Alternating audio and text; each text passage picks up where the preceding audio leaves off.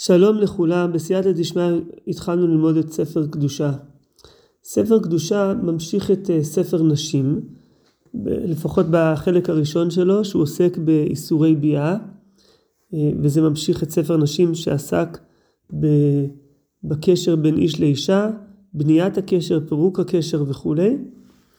אה, אבל פה הדגש הוא בצד של הקדושה, כלומר מדברים פה על ביאות איסורי ביאה, הביאות האסורות, אה, ובהמשך הנושא השני זה הלכות מאכלות אסורות.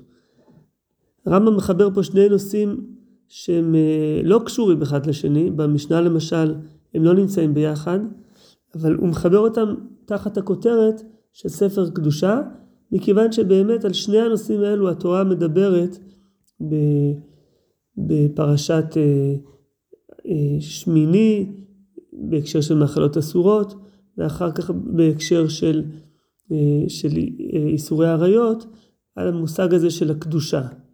ייתם לי קדושים כי, קדוש, אני. אז זה, זה ככה באופן כללי אה, נושא של ספר קדושה, שהוא מדבר על הקדושה שיש בחיי החולין. אני רוצה לדבר הפעם על פרק ג' מהלכות איסורי ביאה. ששם הרמב"ם מדבר על אה, איסורים שקשורים לאשת איש. אז אולי אני אתחיל באופן כללי שאיסור אשת איש היא אחת מהאריות. יש לנו רשימה של, אה, של אריות, שזה בעצם כל, ה, כל האיסורים, איסורי הביאה שנמצאים ב, ב, בפרשת אה, אחרי מות, ברשימה בפרשת אה, אחרי מות. הלשון עריות היא לא, אה, זה לא כינוי שנמצא בתורה, אה, אלא בחז"ל, אבל זה בעצם נקרא על שם המילה שכן נמצאת בתורה ערווה. כי בעצם האיסורי העריות הם איסורים, איסור לגלות ערווה, או בניסוח אחר אפשר להגיד שזה איסור על עצם המגע המיני. רוב האיסורי העריות הם, הם סוגים של uh, קרבת משפחה, שאר בשר, כל מיני uh, uh, רמות שונות של, של קרבת משפחה, אבל מעבר לקרובות, יש גם עוד כמה איסורים שנכללים בתוך עריות, למשל משכב זכור, משכב בהמה, שהם לא קשורים, וגם איסור נידה ואיסור אשת איש. אז, אה, ומה שכולל את כולם ביחד, זה שיש לנו פה איסור על אה, איסור לגלות ערווה, ושהעונש עליהם הוא עונש כרת. חלק מהם זה גם מיתת בית דין, אבל על כולם יש חיוב כרת. בפרק ג' הרמב"ם מדבר על איסור אשת איש. ו... באשת איש אנחנו רואים שיש כמה סוגים שונים. והרמב"ם מפרט אותם לאורך הפרק, ואני רק אקרא את הסיכום שלו בהלכה ח', הוא אומר, הלמדת שבאשת איש שלוש מיתות. יש אשת איש שהיא בחנק, ויש אשת איש שהיא בשריפה, ויש אשת איש שהיא בסקילה. אז אפשר כבר לראות מפה שיש אה, פנים שונות לאיסור אשת איש, אה, שזה בא לידי ביטוי בעונשים השונים. אז אני רוצה קצת להיכנס לעניין הזה ולהבין את הסוגים השונים של איסור אשת איש. המקרה הרגיל של מישהו שבא על אשת איש הוא שהחיוב שלהם הוא חיוב חנק. אה, מיתת חנק היא המיתה הקלה ממיתות בית דין. שאר האריות שחייבים עליהם מיתת בית דין בדרך כלל בסקילה, מלבד אה, אה, אישה וביתה, אה, שזה חריג שהיא בשריפה. וזה מעניין ש, שאשת איש, המיטה שלה בדרך כלל היא מיטה קלה יותר משאר איסורי ערווה. אני לא יודע מה הסיבה, אבל אולי, אולי זה קשור לזה שאשת איש זה איסור שיכול אה, ל, ל, ל, לפקוע. הרי אם האישה הזאת תתגרש, היא תהיה מותרת לאותו בן אדם. אז אה, כמובן שיש איסור חמור לבוא על אשת איש, אבל, אבל זה איסור שיש לו היתר. לעומת זאת, העריות האחרות שחייבים עליהן מיתת בית דין, הן ערוות שקשורות לקשר קשר דם, קשר משפחתי, והקשר הזה הוא לא פוקע. דרך אגב, החריג נוסף שיש לנו ב, באיסורי ערווה, ש, ש, שלא חייבים עליו סקילה, זו אישה וביתה, וגם שם מדובר בעצם על מקרה מורכב, שבעצם האיסור הוא זה שהאישה השנייה שאדם בעל עליה היא אימא או הבת של אשתו. זה גם כן, שם יש איזשהו צד של אה, קרבת משפחה דרך אה, קשר אה, נישואין, אבל לא נכנס עכשיו לדין הזה, שהוא באמת יוצא דופן גם כן. בכל אופן, אז זה המיטה הרגילה של אשת איש, מיטת חנק. אה, הסוג השני שיש לנו זה אה, אשת איש שהיא בשרפה. וזה הדין של בת כהן. בת כהן שזינתה כשהיא אשת איש, אומר הרמב"ם, אה, אז הדין הוא שהיא חייבת שרפה. אה, וזה נלמד מהפסוק, זה מפורש בפסוק, ובת איש כהן כי תחל לזנות, את אביה היא מחללת באש תישרף. ובועלה בחנק. יש לנו פה מקרה אה, יוצא דופן, ש... שהעונש על האיש לא זהה לעונש על האישה. האישה חייבת שריפה, והאיש חייב חנק כדין אה, איסור אשת איש אה, רגיל. מה הסיבה לכך שהאישה הזאת חייבת שריפה? אז אה, כתוב לנו בפסוק, את אביה היא מחללת, באש תישרף. יש פה כנראה איזושהי חומרה יתרה, שהיא מחללת פה את, את, ה, את אביה, את הייחוס, הייחוס שלה הייחוס הכהני שלה. ובגלל החילול הנוסף הזה שיש פה לחילול קדושת הכהונה, היא חייבת שריפה. הסוג השלישי זה אה, הבעל נערה מאורסה, ששם החיוב הוא סקילה. ואומר הרמב"ם הבעל נערה מאורסה שניהן בסקילה ואינן חייבים סקילה עד שתהיה נערה בתולה מאורסה והיא בבית אביה. אז למה נערה מאורסה יש לה חיוב יותר גדול מאשר מי שבעל אשת איש אה, אה, ששם החיוב הוא חנק? אני לא בטוח בסיבה אבל נדמה לי שהחומרה שיש בנערה מאורסה זה ש... מלבד הפגיעה במוסד הנישואין, שזה קיים בכל מקרה של אשת איש ש, אה, שנבעלת, פה יש פה גם פגיעה בממסד של, של בית אביה. אה, והדבר הזה בא לידי ביטוי בזה שקודם אה, כל ראינו שהרמב"ם אומר שהיא צריכה להיות, החיוב הוא דווקא כשהיא נערה בתולה מאורסה בבית אביה. ו... וגם זה בא לידי ביטוי שיש דין מיוחד בנערה מאורסה שסוקלים אותה על פתח בית אביה. אז יש בזה כמה פרטים, יש מקרים ש... אה, שלא סוקלים אותה על בית אביה, אלא על פתח אה, שער, שער העיר, או, על, אה, או בבית הסקילה. הרמב"ם נכנס לזה, אני לא נכנס עכשיו לפירוט, אבל הרעיון, אני חושב, הוא, כמו שהתורה אומרת, והוציאו את הנערה אל פתח בית אביה וסקלו אנשי עירה באבנים ומתה, כי עשתה נבלה בישראל לזנות בית אביה. יש פה את הדגש הזה של עשתה נבלה בישראל לזנות בית אביה. זה נראה לי העניין של החומרה היתרה שיש בנערה מאורסה. אני רוצה לסיים במקרה רביעי. עד כאן ראינו שלוש אה, מיתות שיש באשת איש, או שלושה אפשרויות של אשת איש, אשת איש רגילה, אשת איש שהיא בת כהן, שהיא לא בחנק אלא בשרפה, ואת נערה מאורסה שהיא בסקילה. אבל הרמב"ם מזכיר בפרק שלנו, בסוף הפרק, עוד סוג רביעי, שלא חייבים עליו מיתה, וזו שפחה חרופה. וככה הרמב"ם מסביר את המקרה הזה. שפחה חרופה אמורה בתורה היא שחציה שפחה וחציה בת חורים ומקודשת לעבד עברי, שנאמר לא יומתו כי לא חופשה. האם נשתחררה כולה, חייבים עליה מיתת בית דין, שהרי תעשה אשת איש גמורה, כמו שביארנו בהלכות אישות.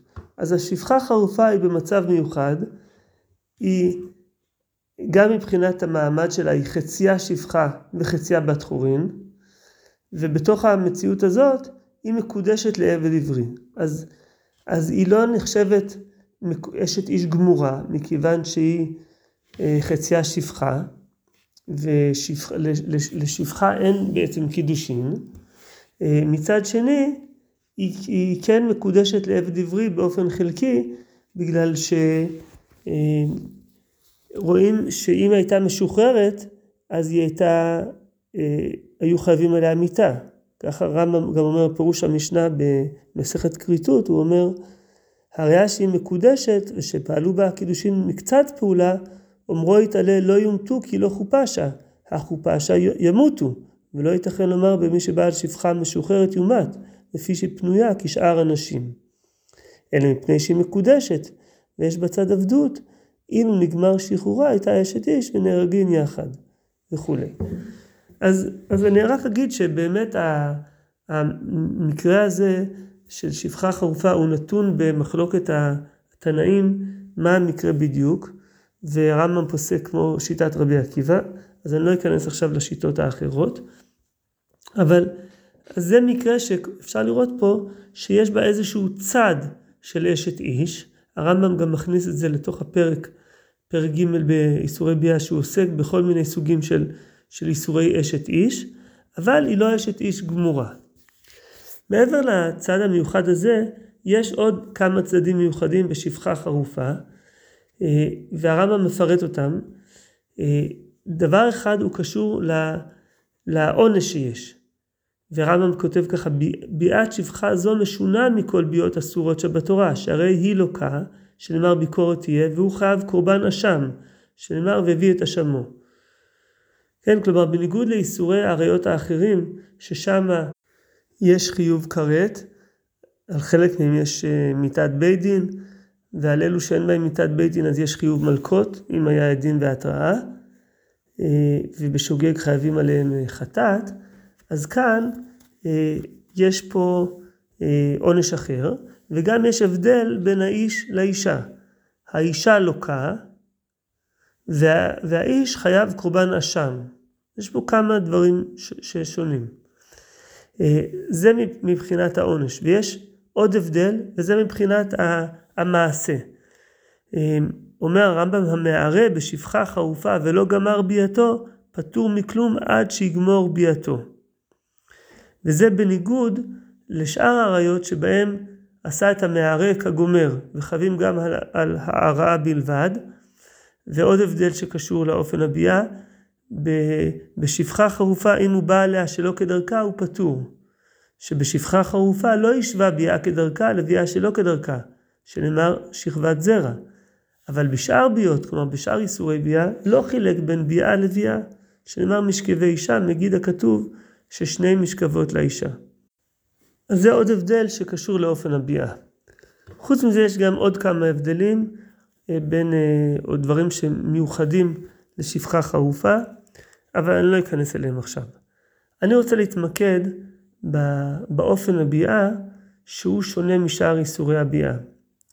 ומה שאני רוצה להציע זה שבעצם בשפחה חרופה חלק מה, מהבעיה פה היא קשורה לעובדה הזאת שאדם בעצם מחלל את זרעו. אה, העובדה שהוא בא על אה, שפחה אה, שהיא שפחה כנענית, זה בעצם מחלל את זרעו. כדי לבאר את זה יותר אני רוצה לעבור רגע לפרק י"ב באיסורי ביאה, ששם הרמב"ם מדבר על האיסור נישואים לגויים ולעבדים. ואני לא אכנס לכל העניינים של הפרק, אלא רק לחלק שנוגע לעבדים. וככה אומר הרמב"ם בהלכה י"א שמה. העבדים שהטבילו אותן לשם עבדות וקיבלו עליהם מצוות שעבדים חייבים בהן, יצאו מכלל הגויים, ולכלל ישראל לא באו. לפיכך השפחה אסורה לבן חורין, אחד שפחתו ואחד שפחת חברו, והבעל שפחה מקין אותו מכת מרדות מדברי סופרים. כלומר אין פה איסור אה, גמור, והרמב"ם מסביר את זה. הוא אומר שהרי מפורש בתורה שאדון נותן שפחה כנענית לעבדו העברי והיא מותרת לו, שנאמר אם אדוניו ייתן לו אישה וכולי. ולא גזרו חכמים בדבר זה, ולא חייבה תורה מלכות בשפחה, אלא אם כן הייתה נחרפת לאיש כמו שביארנו. כלומר, אנחנו יודעים שבתורה יש היתר לאדון לתת את אה, שפחתו הכנענית לעבדו העברי, וזה מותר, וגם חכמים לא אסרו את הדבר הזה. וחיוב מלכות הוא נמצא רק במקרה שאדם בא על שפחה שהיא נחרפת לאיש, כמו שהרמב"ם הסביר אה, פרק ג'. אבל ממשיך הרמב"ם ואומר, אל יהי עוון זה קל בעיניך, מפני שאין בו מלכות מן התורה, שגם זה גורם לבן לסור מאחורי השם, שהבן מן השפחה עבד, ואינו מישראל, ונמצא גורם לזרע הקודש להתחלל ולהיותם עבדים. והרי אונקלוס המתרגם כלל בעילת עבד ושפחה בכלל לא יהיה קדש ולא תהיה קדשה. זה מקרה מאוד מעניין שהרמב"ם פה מזכיר את, אה, הוא אומר יש פה, אין פה לאו מהתורה, אבל יש פה לאו מדברי אונקלוס, כן? כלומר, אונקלוס כלל את בעילת עבד ושפחה בלא יהיה קדש, אז אמנם להלכה אה, דורשים את זה לעניין אחר, לעניין איסור זונה, אבל לפי אונקלוס יש פה לאו, זה מאוד מעניין שהרמב"ם מנסח את זה ככה. גם הרמב"ם מסביר את החומרה פה, החומרה היא שבעצם זה גורם לבן לסור מאחורי השם, הבן יוצא מכלל ישראל, כי הוא, הוא הבן שייוולד מה, מהשפחה הזאת, הוא יהיה עבד. וה, והאדם בעצם גורם לזרע הקודש להתחלל. אז אני חושב שזה גם כן מה שעומד בבסיס הדין שלנו של שפחה חרופה. האיסור או החיוב בשפחה חרופה הוא, דם, הוא דווקא כשאדם שכב אותה שכבת זרע, שזה בעצם, כמו שהגמרא אה, מפרשת, אה, זה ביאה שהיא יכולה לבוא לידי הזרעה, כן? אז לכן דווקא כשהוא גמר ביאתו, ולכן דווקא כשהוא בא עליה כדרכה. באופן הזה בעצם יש פה פוטנציאל ש, אה, שיהיה פה ילד שייוולד. ו, ולכן החיוב הוא באופן הזה, כי יש פה את הפוטנציאל שאדם בעצם יחלל את זרעו. אז אמנם הלאו או החיוב הוא דווקא במקרה המיוחד הזה אה, של שפחה נחרפת לאיש, שהיא אה, חצי שפחה, חצי בת חורין, והיא מקודשת לעבד עברי, איזשהו מקרה מיוחד שמכניס לנו פה איזשהו פן גם כן של אה, איסור אשת איש. ככה לפחות אה, איך שנפסק להלכה, כי יש בזה, כמו שאמרתי, דעות נוספות בתנאים. אבל יסוד הבעיה היא הבעיה של חילול הזרע. ולכן אה, הביאה הזו של איסור שפחה נחרפת היא שונה מהביאות האסורות האחרות, ששם האיסור הוא על עצם המגע המיני. ולעומת זאת אצלנו האיסור הוא על החילול, חילול זרעו של הבן אדם. אני חושב שהדבר הזה גם כן משפיע ומשליך על השאלה של העונש שיש פה, זה שהאישה לוקה והאיש מביא קורבן אשם, אבל זה אולי לפעם אחרת אפשר להעריך קצת בעניינו של קורבן האשם. אז אה, זהו, פתחתי פה איזשהו פתח, אה, אה, כיוון למחשבה, אני חושב שהדברים עוד צריכים עוד ביאור ועוד השלמה, ואתם מוזמנים לחשוב עליהם בעצמכם. תודה רבה.